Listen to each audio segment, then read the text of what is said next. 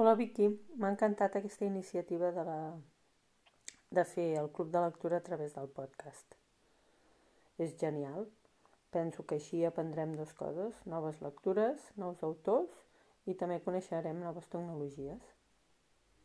A més a més, felicitar-te per la iniciativa, també dir-te que m'he quedat sorpresa de lo bé que se sent la veu.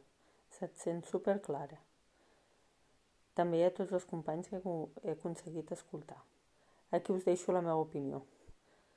Que tiri endavant aquesta, aquest projecte i seguim al nostre club. Salut! Bona nit. Avui, igual que el Jani de Rodari escrivia columnes per família, nosaltres hem escoltat aquest conte de l'embolica que fa fort amb la família. Ens ha agradat molt.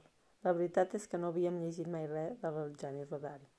A partir d'ara agafarem algun conte de la Bíblia perquè ens, ha, ens ha agradat molt.